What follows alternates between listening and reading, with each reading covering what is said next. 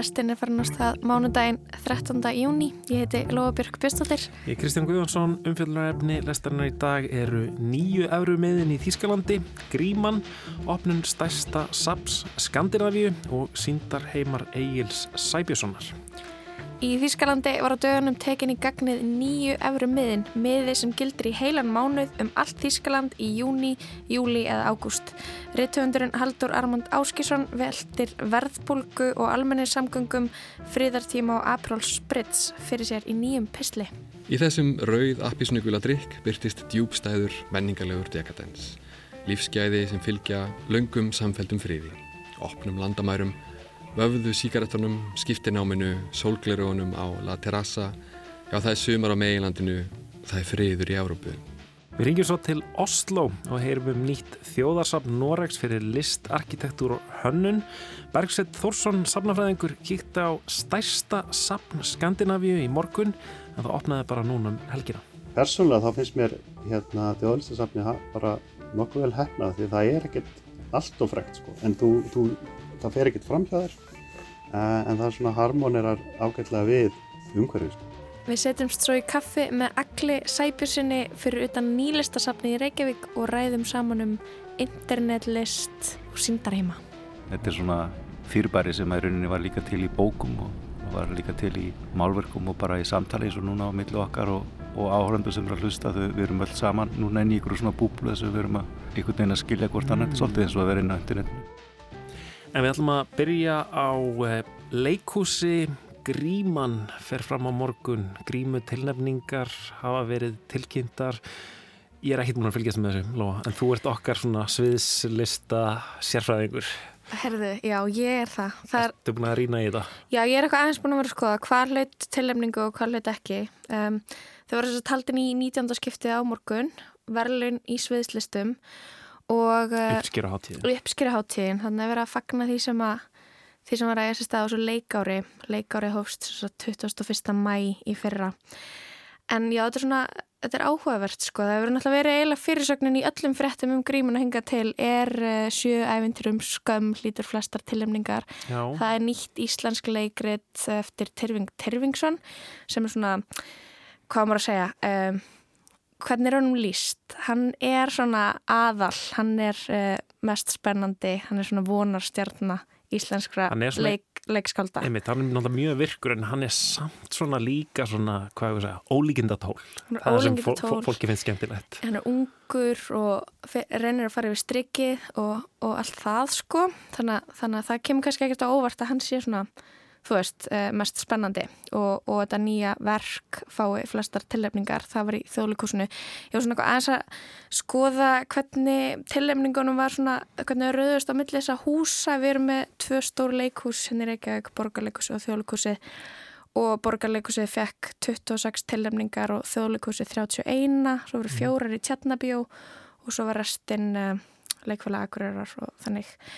En segjum hann svo sem ekkert mikið eitthvað 26 í borgarleikursinu og 31 í þjóðleikursinu og svo er þetta oft samstarfsverkefni um, það sem að húsinn bara hýsa einfallega eitthvað uh, sjálfstæði leikópa uh, en ég var svona eitthvað Að, ég var svona að reyna að sjá muninu á sko síningu ársins og leikrið ársins. Já, það, er það svona stóru stóru um, Það er aðalvelin Síning ársins og, og leikrið ársins. Já, ummitt og já. hérna ég tala hans við Orra Haugin Ágústsson. Hann er uh, formaður Sviðslista sambands Íslands og ég var að mynda að spyrja hann út í sko hvernig er valnemdin valin, hvernig starfar hún það er eitthvað svona wow. að reyna að rannsóknar blaða mennska Já, eitthvað að reyna að búa til eitthvað drama í, en það var kannski ekki það mikið drama en hann, hann sagði að þetta veri, hefði verið gott leikár uh, það voru 51 síning sem að domnefndin var að, valnefndin var að skoða og þetta er svona einhvern veginn að komast í eðlegar horfur. Að eftir náttúrulega bara heimsfaraldur og mm. þá er eru húsinn komin á stað og áhöröndur eru byrjað að sækja. En þetta var samt sem að vera mjög krefjandi og oft takmarkanir.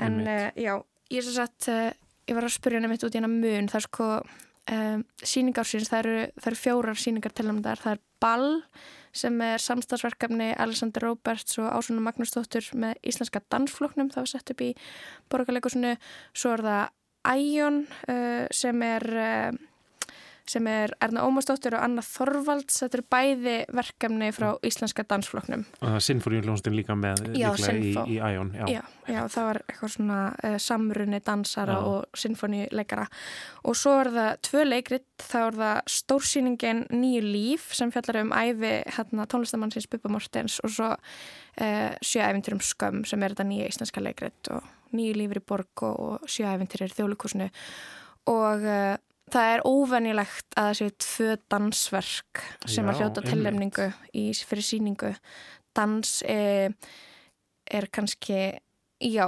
hefur oft verið svona settur aðeins til hliðar í, í Einmitt. leikhúsunum sko, en þarna ekki ár. Uh, og svo er það hins vegar leikrit og það eru hérna, leið mér aðeins að skrolla niður, leikrit ásins það er nýju líf eftir Ólaf Eil Eilsson Blóðu að kanínan eftir Elisabeth Jökuls.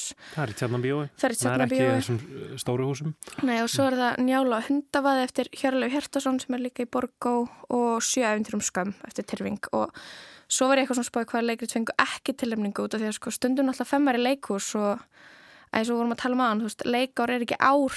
Já, maður fattar ekki endilega hvað uh, uh, hva- hvað var sett upp á hvaða ári þú veist, Einmitt. þú kannski serða ári setna eða eitthvað en þú veist, Þjætting Krigðar fekk ekki Ást og upplýsingar fekk ekki Ég hleyp, Rómi og Júlia Skuggasveit, framúrskrandi Mhm. vinkona Einkomstundan, Ásta eru dæmi um, um hérna, Sýningar sem náðu ekki Sem- alveg. já, sem fengu ekki tilnefningu í leikrit eða, eða síningu og hérna, en ég myndi að vera að spyrja orðahugin, sko, hver er munun á uh, leikriti og síningu og það er einfallega þannig að í leikrit þá eru lesin handrit Já, einmitt. að verkinu, Mhm. já, bara það er lesið handritið og, og, og það er valið út frá því það er bara staplara handritum og í síning og það er svona myndi dansverk aldrei fá tilnefningu fyrir leikrit eða en- svo er það einmitt líka svona hver, hvernig er svo flokkun út af því að það er bara uh, þessi devæst samsköpunarleikhús eru kannski með þess öðruvísi handrit heldur en einmitt eitthvað sem Já, situr og skrifar heima á sér og, og með eitthvað fullunni handrit sem fer síðan í Mhm. einhverja e, er eitthvað unni áfram að leikstjóra þannig að þú veist, e, já, þetta er svona smá kannski íhaldsum flokkun en ég skil samt, það Mhm. verður kannski að vera eitthvað einmitt. En hvað, hérna, þetta fer fram á morgun, þá er verðlunin veitt, hérna, alltaf þú, viltu, viltu tippa á hver, hver, hver vinnur þetta? Er, verður tyrfingur, sko- sigur sælastur? Sko, Tyrfingur mun uh, sjö æfintur skömmun klálega fáfullt af velunum, þú veist, en þarna ég svona veltaði fyrir mér hvernig fer með til dæmis sýninguna eins og ball sem að ég var eitthvað svona, ég var að reyna að sjá aðeins hvernig, hvernig verkið eru sem er að fá tilmningu fyrir sýningu ársins, það er náttúrulega þú veist, það er þarna æfið Bubba Mortens skilur sem er eitthvað söngleikur, það er svona stórsýning það er búið síðan 102 á sinnum. Nær til fjöldans? Já, nær algjörlega til fjöldans uh, og svo er það einmitt eitthvað ball sem að er, þú veist, það sem eru svona dansarar úr ólíkum áttum og ólíkum aldri uh, að, að dansa, uh, að, einhvern veginn dansa fyrir áhörendur dansin sem þau elska að dansa. Og þetta er bara svona einhvern veginn fagnaðar erindi dansins og okkur svona á, á, á sama tíma og þú, hérna, að, það er einhvern veginn ekkert erfitt að horfa, það er ekkert, uh, það er ekki verið að reyna uh, velta einhverjum stórum steinum eða þú veist, stinga á kýli eða draga upp eitthvað sorglegt eða þú veist, einhvern veginn en, en sama tíma þá einhvern veginn svona mjúklega minnur, minnir þessi sýning okkur á það um, hvað skiptir okkur máli, hvað er gildin í samfélaginu og hérna jafnbretti og hérna að fólk fá að vera með og við séum ólíka og það sem er sem saminur okkur heldur um sundrar sem er svona eitthvað, þú veist, örgla mörg leikrit sem langar að hafa þessi áhrif en þannig einhvern veginn í svona í einhverjum ákveðnum einfaldleika þá fær maður einhvern veginn að sjá að, að fagna fjölbreytileikanum þannig ég er einhvern veginn svona spá, smá að spákust og það sé kannski sterkasta sýning ársins Ball. Já, já. ég get alveg trúið að ball fær með síningu. Þannig að þú ætlar að setja, setja allavega þinn pening á, á það. Já, ég held Já. það. Aðtilsvert, þetta er gríman, hún verður afhend á morgun. En við ætlum að halda út úr húsi um helgina opnaði í nýlistasafninu nýsýning með verkum Egil's Sæbjörnssonar, myndlistamanns Það er meðal hans verið að sína nýtt verk eftir hann sem hann vann fyrir listasafnið Kunstverke í Berlín. Það er, er sem sagt hlutað einhverju sem þau kalla The Last Museum, síðasta safnið og er sko síningavettvangur á netinu og þau eru greinilega búin að vera að fá lista, listafólk frá, ýmsum löndum til að gera skúltúra í raunheimum en sem eru síðan sko uh, unnið með og þau eru sínd uh, líka sem sagt á þessum vefvettvangi Um, verður svona eiginlega hálfgerð svona gagverk bíómynd sagt, á, á síðunni. Og sagt, verk, nýtt verk eftir Egil uh, verður sínt þá bæði þarna á heimasíðu KVF, um, heimasíðu Níló og svo inn í nýlistasafninu. En sem sagt, Egil tók sér stuttapásu núna bara á förstu dag, hann var að setja upp síninguna þá. Ég fór að hitta hann, uh, við settumst niður í mjög góðu veðri fyrir utan safnið og hann fekk sér kaffi og við rættum internetið og myndlist Ég sitt hérna úti í sól, örlittlum svona blæ hérna við höfnina í Reykjavík fyrir utan Marsjálhúsið. Sitt og drekk kaffi með Agli Sæbjörnssoni, myndlistamanni. Hann er að undibúa síningu hérna eh, upp í nýlistasafninu á annari hæð hérna í Marsjálhúsinu. Egil, hvað stendur eiginlega til? Já, þetta er síning sem er hérna hluti af listaðat í Reykjavík en kom til þegar hérna kunstverka í Berlín sem er svona art institution þar baði mig um að gera verk fyrir hérna nýja tilröðun sem þau eru að gera. Þau eru svona að reyna að gera svona stafrannan vettmang fyrir safnið, listaheimurinn hefur verið pingluti eftir á því að verða til stafrætt og þetta er svona fyrsta tilröðun þeirra til þess að vera með svona digital platform og ég er að gera verk fyrir það. Ásamt það eru nokkur aðralistumenn sem hafa líka gert svona verk fyrir þau. Og við erum að gera þetta í samminu við nýlistasafnið. Og hérna við erum sem sagt að opna þetta morgun. Og til auka við þetta þá er líka síning í nýlistasafninu með gömlum verkum frá mér frá svona hérna late 90's Já. sem að voru alls svona að fjalla um virtual reality og svona, þetta var svona þegar virtual reality var að byrja. En býtu, segð mér aðeins frá þessu, hérna, þessu verkefni þarna hjá kunstverke, hérna, hvað stafræn vettvangur, ég meina, já, er það ekki eitthvað svona gamla fréttir bara? það er í rauninni rosalega gamla fréttir en það eru svona svolítið nýjar fréttir fyrir myndlistæmin, sko, hann hefur þanga til svona núna eftir COVID þá var hann svo langt eftir sko til dæmis tónlistabransunum sem hann alltaf tók bara hólskeflu einhvern tíman þegar digitaliseringen tók yfir. En uh, og myndlistaheimurinn er svona hefur verið eftir á sko veist, mörg galleri neita að vera með heima síður og eru svona já, svolítið eftir á hérna, myndlistaheimurinn í, í, í henni stóru framtíð digitaliseringarinnar. Um mitt Og hvað, hérna, getur þú sagt mig frá þessu verki sem að, sem að þú vinnur inn í þetta, þetta, þetta verkefni þeirra? Já, þá er ég rauninni að fjalla um hérna, virtuality.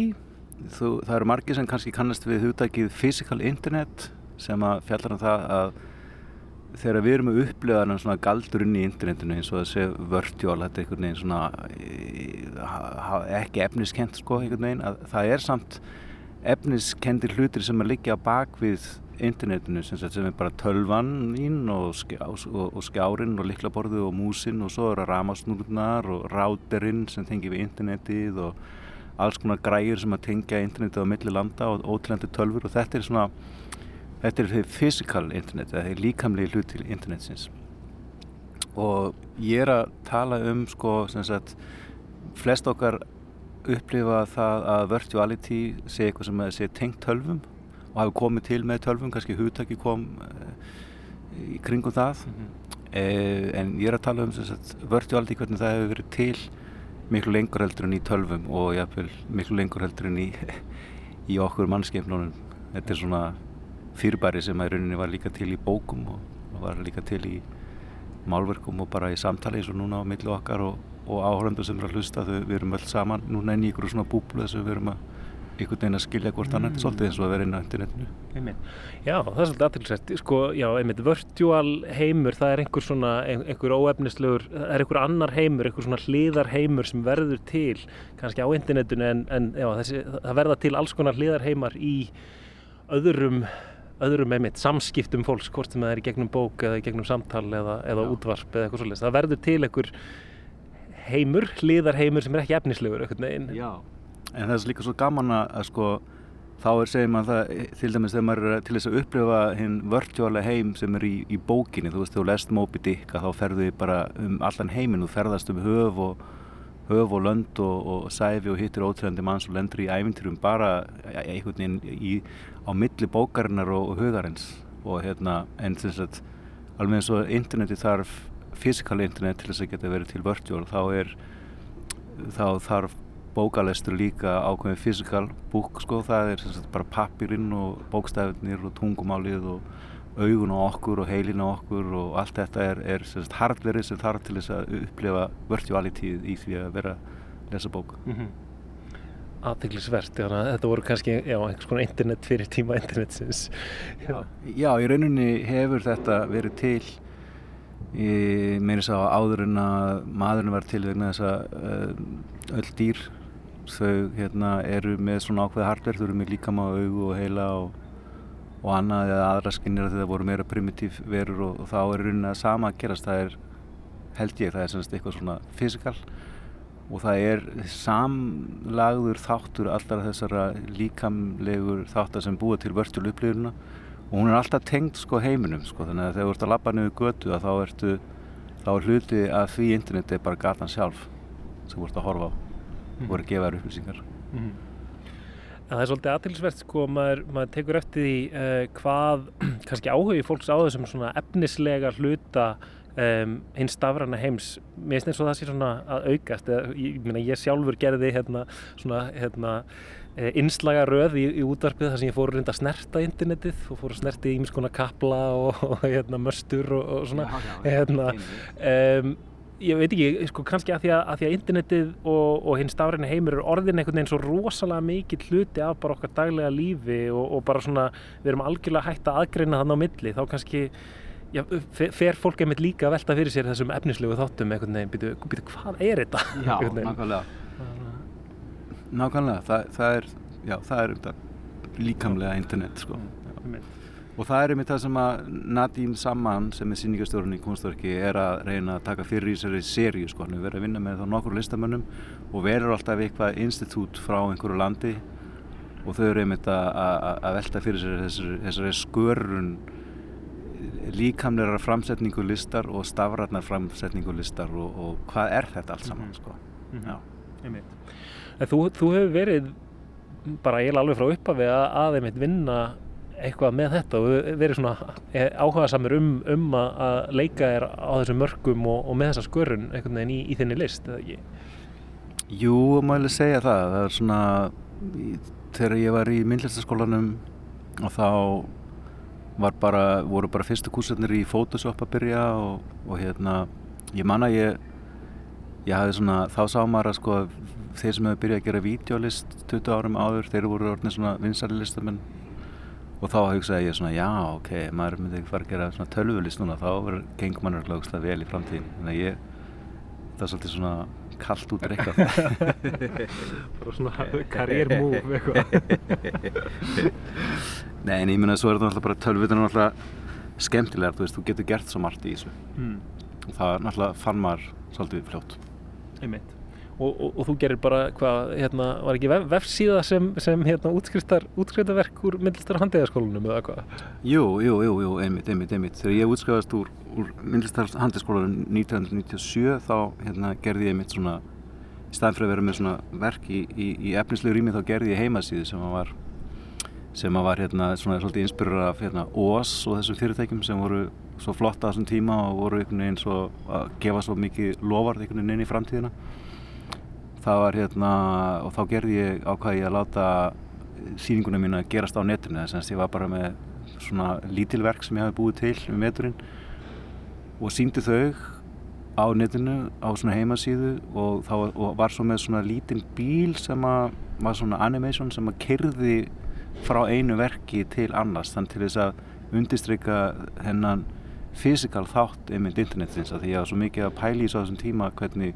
internetið væri í rauninni líka raunverulegt rými sko þú veist og einhvern veginn svona mm. var alveg vissum það að hérna, stjórnvöld myndi eða meiri fjármunum í að rannsaka rýmið í internetinu í, í kannski framtíðin eldur en að skoða geiminn sjálfan mm. fyrir veit Hérna sko sí, síðan þú gerir það hvað á 20, 25 ár hérna, þá er nú hérna ímislegt sem gerst í listheiminum og það hefur verið einmitt já, þessi internetlist var, var voðalega heit og svo kemur eitthvað sem heitir post-internetlist og, og einhvern veginn fólk heldur áfram að, að reyna einhvern veginn að, að gera tilraunir í þessum rýmum internetsins uh, og stafrænu rýmum finnst þér þetta hafa svona, haldið áfram að vera spennandi? Eða hérna, hvernig, svona, hvernig sér þú þessa þróun einhvern veginn? Sko bara lí, lí, líka almennt hjá, bara í, í myndlistarheiminum. Ég held að það sé sko nokkuð ljósta til dæmis sko breytingin sem varð úr gamla samfélaginu þar sem allt var útskýrt með, með bara biblíunni yfir í það að vera útskýrt með, með vísindum það kannski tók minnst að kosti 50 ár frá kannski já, 1700 og segjum 1780 til 1830 þegar fyrstur lestirnar fara að koma að keira um, um hérna, lendur Skotlands. Að þá e, sko svona breytingar það taka alltaf svolítið tíma og þau eru svona það eru tvö skrif áfram og eitt lítið skrif aftur og bak og ég held að ef við sko horfum á þróun mannkinsins og, og, og menningarinn okkar til nokkur hundru ára aftur og baka þá held ég að við sem ekki að fara frá tölvunum og stafrærum heimi verðin þess að það sé leðilegt eitthvað þannig, ég held ég að sé við erum bara í barnskónum í einhverju rísa stóri framtíð sem að tegis inn í næstu hundruður ára þannig að ég held að það sé svona mjög líklegt mm -hmm. þetta eigi bara eftir að aukast hvernig það gerist veit maður alltaf aldrei alveg mm -hmm. og, og svona hérna um svona hlutir sem er að gerast núna hérna, ég veit að ekki, gerfigreindar uh, eh, smíðuður list um, einhver hérna bálkakeðju sölu vöruvæðing á, á hérna stafrætni list hvernig hérna blasir þetta allt við þess? Þetta er bara nöðsanlegt eh, skref af einhverju sem að síðan kemur í, í framtíðinu sko, veist, þetta er bara tilrunir sem að uh, er engin ástæði til þess að óttast eða sko artificial intelligence er nú aldrei að fara að taka yfir okkur að þess að við erum þessi hugsandi gangandi vera og þetta eru bara tæki sem við munum nota og, og, og, hérna, og starfa með sko. við erum alltaf erum að fatta líka meira og meira að, að hlutinni sem við heldum alltaf við værum í kontról yfir þeir hafa verið að stjórna okkur sko. Þess að í rauninu þá er oljumálningin hún hefur hérna hafið rosalega mikil áhrif á listin alveg eins og við erum að óttast að artificial intelligence eða fara að gera eða eitthvað þannig. Mm -hmm. Já, það, er, það er engin málari sem skapar málarverk einn sko, hann skapar það með oljumálverkinu og með stryganum og með öllum hinnum málarverkunum sem hafa málað undan. Þetta er, þetta er, þetta er svona vefur. Egil um þegar þú klárar hérna kaffibóllan þá, þá ferðu upp og, og, og, og hvað hvað, eh, hvað er þetta að gera þarna uppi? Við erum bara að hengja upp síninguna sko. Ég hérna hún er að opna morgun og hérna lítil tími til stefnu. Ég var að koma frá Berlín áðan. Ég var að opna síningu í gæri í Grópjusbá þar sem að hérna skólaböll hefðu fengið leifi til þess að síningastýra síningu og hérna völdu mig og félagarna mína Ugo Búkar eða Úro Búr eins og það heita á íslensku. Og hérna þau eruðu sérfræðingar í, í því hvað Ugo Búkar gera þegar þeir eru að gera myndlist og það sem þeir eru frekar latir og finnst það er svolítið sem alveg gaman að gera list en þeir finnst sko meira gaman að borða og uppáhalds maturinn er að eru túristar. Þá hérna þá komist krakkarnir úr frekka fljóta að komast að því að þetta er því sko hérna, þá Martin Gropius bá þetta var ekki Martin Gropius bá hérna, Art Museum heldur Martin Gropius bá Tourist Trap í rauninni séu bara sko hérna, úr og búr þeir eru bara að, að hérna, gera eitthvað svona yfirhilmingu mm. þeir eru mm. svo alltaf bara að borða alla gestina það er mjög snjált um, en já, er þetta, er, er þetta almennt svona hérna, mikið, mikið verk að setja upp svona sýningar, er þetta mikið nákvæmnisverk? Já, það er, það er mikil vinna í því. Það er alltaf alveg, þú veist, 50 e-mail og, og, hérna, og fullt af fólki sem kemur að þessu. Nún eru hérna nokkur starfskraftar nýlistasafnsins hérna að setja upp og, og, ég var meina aðstofmannisku um daginn og svo eru þeir náttúrulega út í Berlín líka að prógramera og gera það allt saman og þetta er, það er nokkur handug í þessu sko. Þannig að þetta kemur, kemur á, á síðan, já, já, þetta, hérna, þetta virtual rými sem að, sem að hérna, þetta viðtal er, það fer nú reyndar ekki í loftið fyrir en uh, kannski á mánudag, þannig að hérna, þá, þá, er, þá er síningin bæði komin upp hérna í þessu efnislega rými sem að nýlistasafnið er og, og svo í stafræna rýminu á, á netinu á heimastíðu Níló eða hvað? Já, ég held að vera á heimasíðu Níló og á kunstverki, báðum, báðum safnunum. Egil Sæbjörnsson, bara gangiði vel að klára að setja upp síninguna. Takk fyrir spjallið. Takk að kella fyrir. Takk fyrir.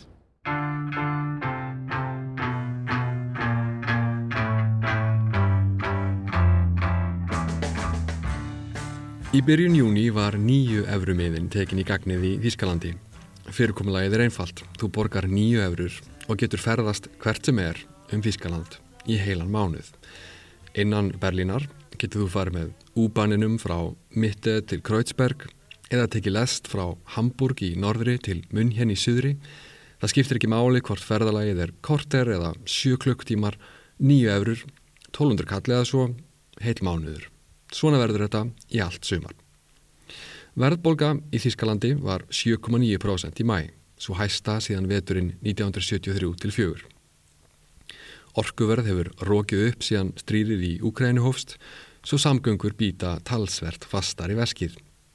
Nótkun almenningssamgangna mingaði líka tölvert í heimsfaraldri, ekki aðeins vegna þess að fólk ferðaðist minna, vann heima á allt það, heldur einni vegna þess að það ótaðist smitt. Ferðalögum með lestum, strætóum og sporvögnum í Þískalandi árið 2021 voru þriðjungi minni en árið 2019. Þannig er hugsuninn að létta undir með fólkinu og jafnframt gefa samgöngukerfinu innspýtingu. Á leðinu heim úr fótbolta í U8-lestinni frá Gesundbrunnen til Hermannplatz sé ég sömu konuna og betlaði pening hér í vagninum árið 2019. Hún er alvarlega holdsveik. Hæri fóturinn hennar er eitt stort svöðu sár, grátt hárið slegið niður með herðunum, rámröddin kvíslar lágt danke þegar ég rétti henni 50 cent úr vasanum. Heiðblá augun horfa gegnum mig, tóm fjarræn, ekki hér. Hjólastólinn mjagast áfram, hægt hægt eftir ganginum.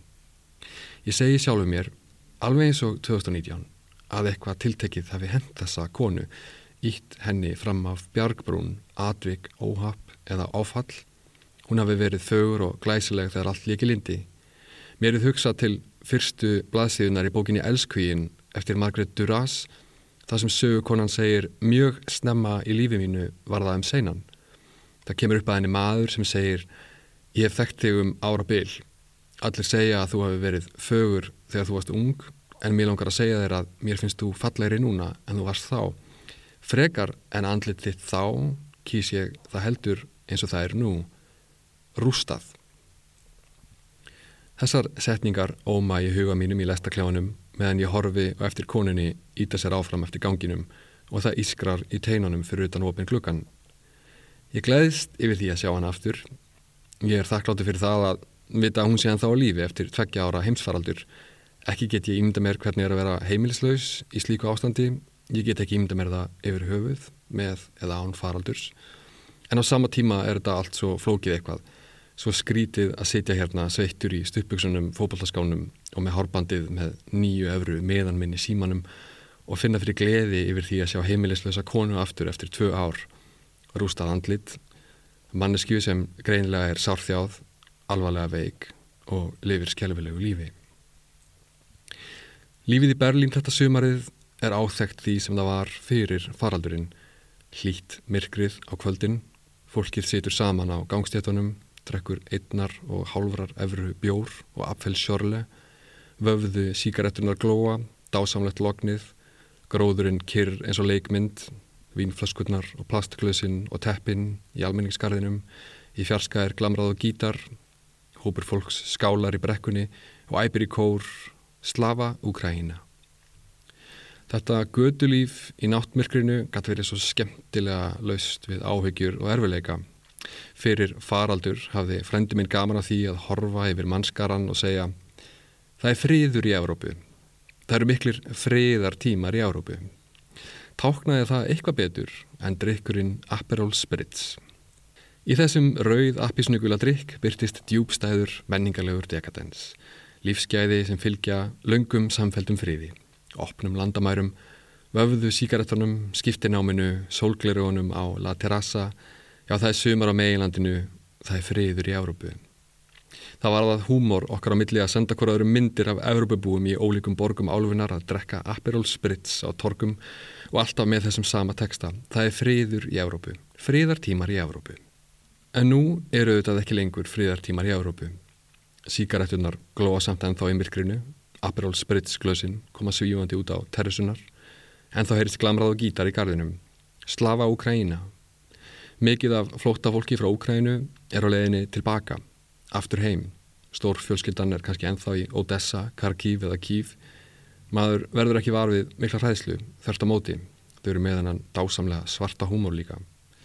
Það stakk mér svo litið að heyra dæmi þess að úkrænskar fjölskyldur tali nú úkrænsku sína milli en ekki rúsnesku eins og þeir gerðu kannski áður hvað vinst og hvað glatast þegar maður skiptir um tungumál. Ég var mjög imprest þegar nýju öfru miðin byrtist í símanum mínum. Maður hoppar umvöksuna löst upp í hvaða strætó sem er, hvaða lest og sporvakt sem er. Það fylgir í ró og frelsi að þurfu ekki að kaupa eða virkja nýjan miða í hvert skipti. Það getur bara stokkið um borð.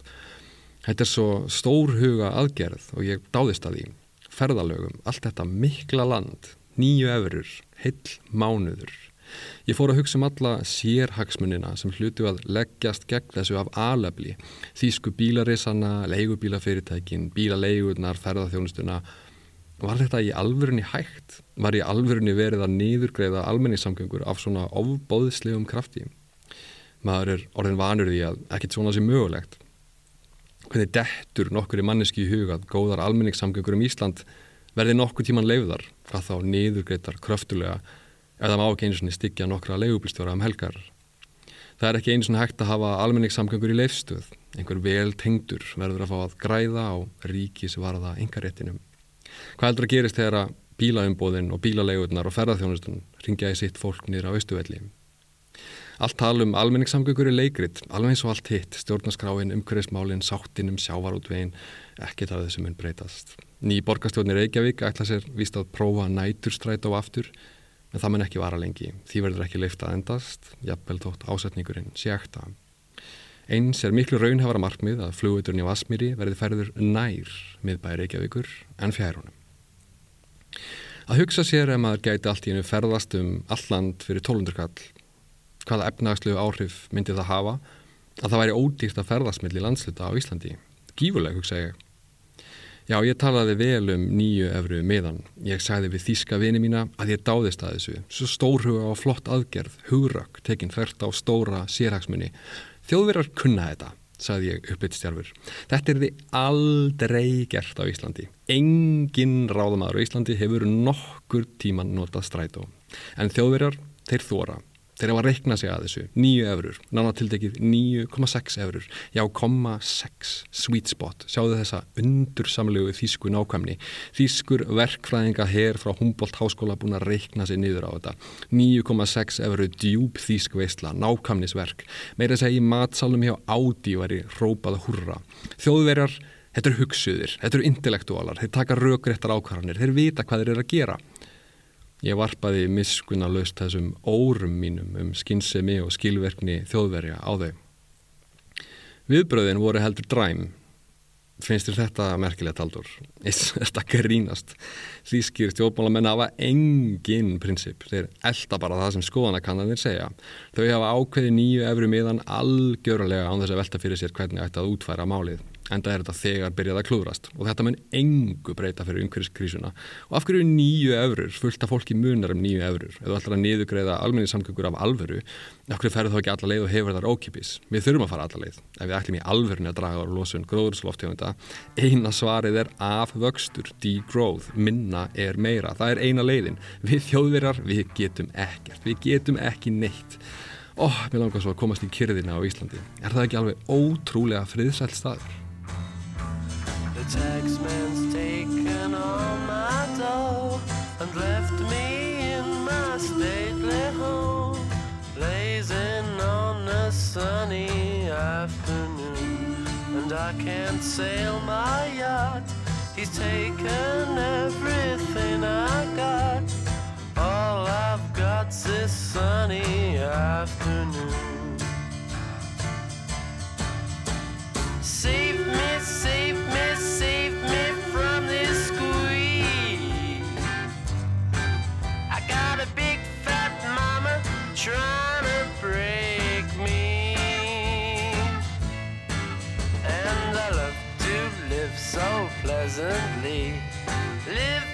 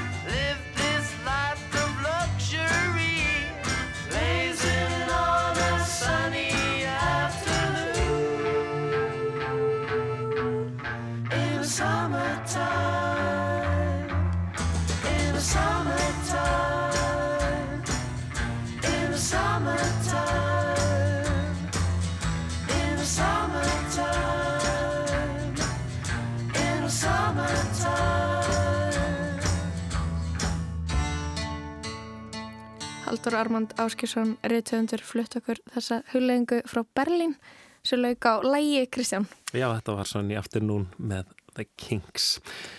Glæsilegt. En frá um, Þýskalandi þá höldum við til Noregs. Kunsten har fått et hjem. Et hjem som favner oss alle, hele nasjonen. Vi er ikke alene. Det er med stolthet jeg herved erklærer Nasjonalmuseet for kunst, arkitektur og design for åpnet. Til lykke med dagen og wow! Já, til hamingju með daginn normenn og vá, þannig lauk ræðu Sonju Noregsdrottningar á opnunardag nýs risastórs þjóðarsaps fyrir listir, arkitektúr og hönnun í Oslo um helgina. Safnið er gríðarlega stórt, 55.000 fermetrar með öllu, 86 síningarsalir og einhverjir 6.000 munir, þar á meðal líklega þekktasta norska listaverk allra tíma, ópið eftir Edvard Munch. Safnið er það stærsta á Norðurlöndum og já, nú státa nýríkir normenn sig af stærra safni heldur en gömlu menninga risarnir Danmörk og Svíþjóð geta bóðið upp á. also full of ideas. Better find a way to. Þessu ber að fagna og norðmenn hafa flikst á safnið um helgina. Það hefur verið uppselt alla daga. En við í lestinni náðum í skottið á manni sem að kíkti á þetta nýja gríðarstóra þjóðarlistasafn í Oslo bara núna í morgun. Já, ég heiti Berg Sutþórsson og er nýdoktor við Háskólan í Oslo. Hear me say, My well is empty, I am done. Inspiration has dried up and the spark is gone. Sko ég held að þetta sé búið að vera næstu í 20 ári í, í bígerð frá því að þess að hefði ofnbæra kefti e, byggingarsvæðið af, af hérna, Osloarborg.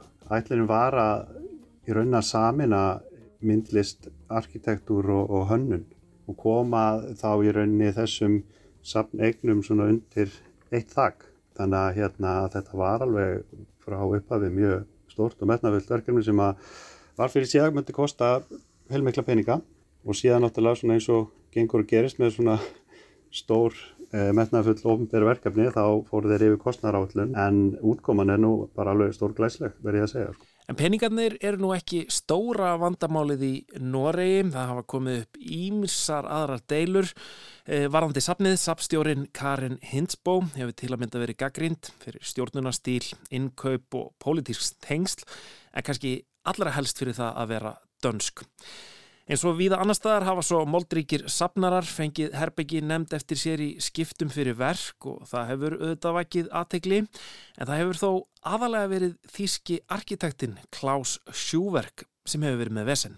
Það var svona komið upp ósætti með ýmsar útfæslur eh, og þá sérstaklega þetta það sem þeir kalla Líshallen eða Ljóshöllin sem er þess að þriðja hæð eh, síningar byggingarinnar sem, að, hérna, sem stendur ofan á byggingunni að það voru sagt, efni sem að arkitektin vildi nota voru eh, ekki talið nógu góð og þannig að það var svona einhver, einhver hérna, eh, samningavirðar sem átti sér stað til þess að finna lausn á því og, og, og svona í því ferli þá var arkitektin að hóta því að draga sig út úr þessu og, og síðan voru svona ímsir kannski um, já, mann finnst kannski vera smáatriði en, en það var til dæmis, arkitektin var ekki sérstaklega ánaði með nýja hérna, merki sapsins um, og, hérna, og hann hafði líka eitthvað um að það segja hvað, hvað sapni ákvað að hafa í sagt hérna, andiri, það eru svona stóri skjáir sem að svona vísa manni veginn og honum fannst þetta ekki alveg kannski nógu, nógu fínt. Um, þannig að það var svona fórsvöldið fyrir því í, í þessu byggingaferli, svona þetta ósætti. En ég held sko að hann, hann hafði mjög sterkar skoðanir á, eða svona ágannar hugmyndir um, uh, um bygginguna og hvað í rauninni uh, safnið ætti að standa fyrir. Það eru svona mikið sem að, mikið af þessu efni sem að er notað í bygginguna á að var valið með það sko til þess að með svona langa endingu í huga um, og byggingin sjálf minnir svona nánast á svona virki sem er svolítið skemmtilegt að því að svo er þetta með Akershus festning hérna hinum meginn við höfnina sem er hérna gamalt virki. Þannig að það svona kallast pínu á. Um, þannig að hann var svona með kannski svolítið svona klassískar hugmyndir um hvað, hvað eiginlega að vera og, og var kannski ekki alveg tilbúin að að hérna, samþykja svona kannski nútímalegri útfæslur á til dæmis eins og merki sapsins sem er í rauninni bara NAM þannig að hann hafi viljað hafa svona starri og fyrirferða meiri hérna bara National Museum en ég held að hérna nú er búið að opna og hann hefur komið sínum skoðunum á framfæri og þetta sé að það er ekki tægt að snú aftur úr þessu sko. Og fólk bara sátt. Hérna, eh, sko bara svo, svo við klár, klárum hérna þessa byggingu, hérna hún, hún, hún er staðsett hvað, niður, niður yfir höfn um, sagt, og, og í kringum alveg svona nokkrar aðrar hérna, menningar, byggingar uh, og sko, það er svona, hefur verið svona svolítið tíska, hvað ég var að segja, í listasöfnum undarfarið að nýta einhvern veginn gamla byggingar, þú veist Tate Modern, hann í einhverju gamlu orkuveri í London og eitthvað svo leiðis er, er verið að gera eitthvað þannig, eða er þetta algjörlega nýbygging? Þetta er alveg nýbygging, sko og þetta tengis líka svolítið þessari uppbyggingu sem að hefur átt sér stað undanfarna áratví hérna í Oslo sem að vera að sko byggja upp þetta hafnarsvæði og það sem að mér finnst svolítið áhugavert við þessa byggingu er að hún er ekkert sko þetta er ekki svona, hvernig var það, svona monumental, eða þú veist, svona frek stór bygging sko. Uh, maður hugsa til dæmis til hérna Munk-safni sem opnaði ekki fyrir svo lengur síðan. Það er 13 hæða hátt uh, svona kassi eiginlega, svolítið, svolítið sérstök bygging sko, uh, sem er ótrúlega ábyrrandi og, og, og svona dregur að sér aðdegli. Ég sá einhver staðar að henni var líkt við hérna stapla af, af dagblöðum svona, svona hallandi stapli af dagblöðum Já, já, akkurat, já. Það, já, það er svolítið þannig, sérstaklega horfir á hana svona aftanfrá, þetta er, þetta er þetta er mjög sérstök bygging. Um, ég er ekkert voðalega hrifin af eh, hérna, byggingunum sjálfur þó að, hérna, að síningarnar á móksafninu séu mjög skemmtilegar. En það sem að svolítið áhugast við svona svona listasöfn og, og þessi svona stóru uh, merkilegu byggingar sem að hafa verið svolítið vinsalar að hérna maður svona spyrir sig sko er, er sko byggingin sjálf að taka aðdekli frá í rauninni því sem að er síðan inn í, inn í húsinu hvort að það sé jákvæmt eða neikvæmt en, en mér finnst persónulega þá finnst mér hérna þjóðlistasafni bara nokkuð vel hefnað því það er ekkert allt og frekt sko. En þú, þú, það fer ekkert fram hjá þér. Uh, en það er svona harmonerar ágætlega við umhverfið sko. Þú fórst á það í morgun á, á, á safnið í fyrsta skipti. Já, hérna eh, 55.000 fermetrar 86 síningarsalir náður að, að skanna þetta allt. Uh, já, ég, ég var í ykkur á tók klukkutíma og náður svona að lappa í gegnum þessa síningarsali. En það er kannski ágætt að taka fram líka sko að þessi 55.000 fermetrar, uh, stærstu hluti af þessu er í rauninni undir varveslurými og skrifstofur og starfsemi sapsin sem, að, sem að er svona baku tjöldin sko. Þannig að síningarými sjálft held ég sé já, eitthvað um 11.000 fermetrar sem er nú reyndar alveg feiki nóg sko.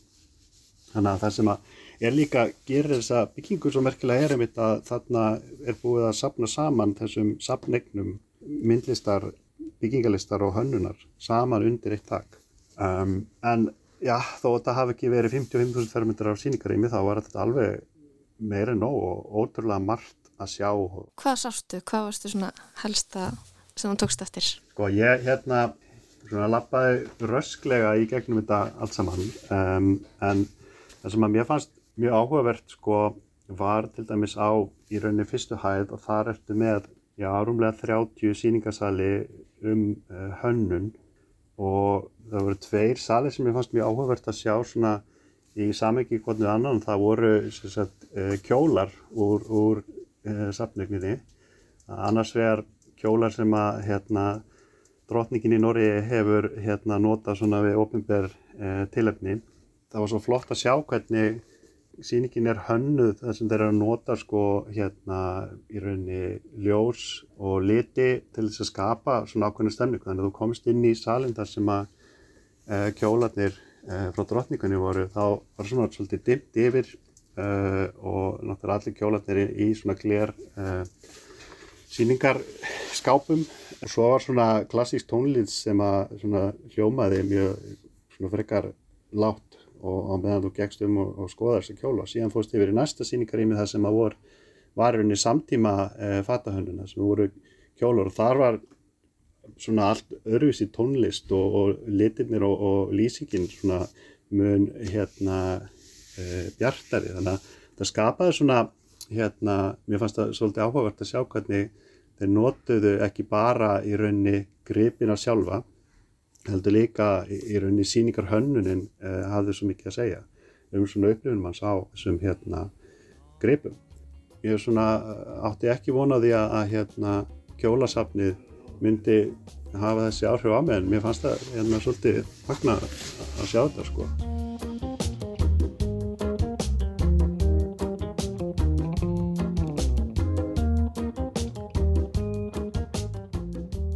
Þetta er, þetta er í rauninni sett svolítið upp í svona tímaröð sko þannig að þú byrjar að svona einhvern veginn frá einhvern svona uppháspunktur í, í sögunni og svo gengur í gegnum ólíka sali þar sem að þú kemur alltaf nær og nær samtíman um, og það var mjög flott að sjá hvernig þeir svona uh, hvernig síningar hönnuðurnir um, nýttu sér einmitt bara þú veist að veggirnir er málaður í ólíkum litum og, og síningarskáparnir voru ólíkir eftir svona tímabilum og þannig að það skapaði, náðu að skapa mjög svona áhugaverða stemningu kringum uh, gripina og hvert svona rými fyrir sig.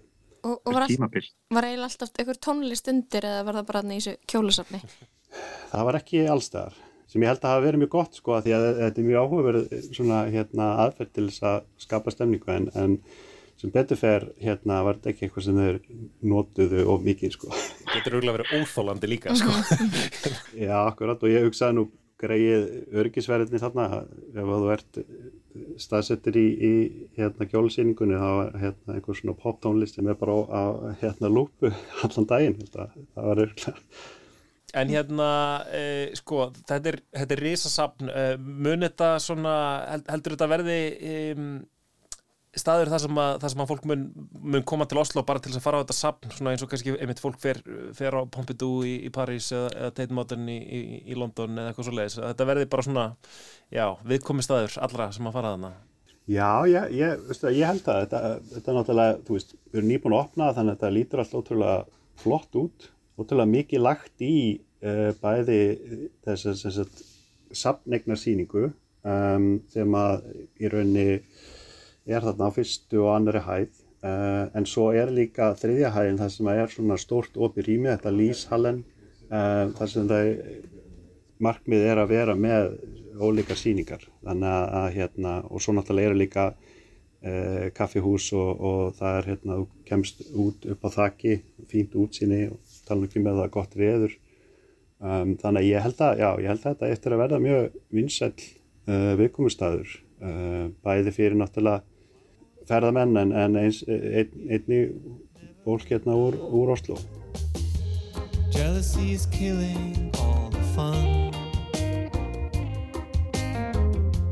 Bubbling over for wanting to love someone. To love someone.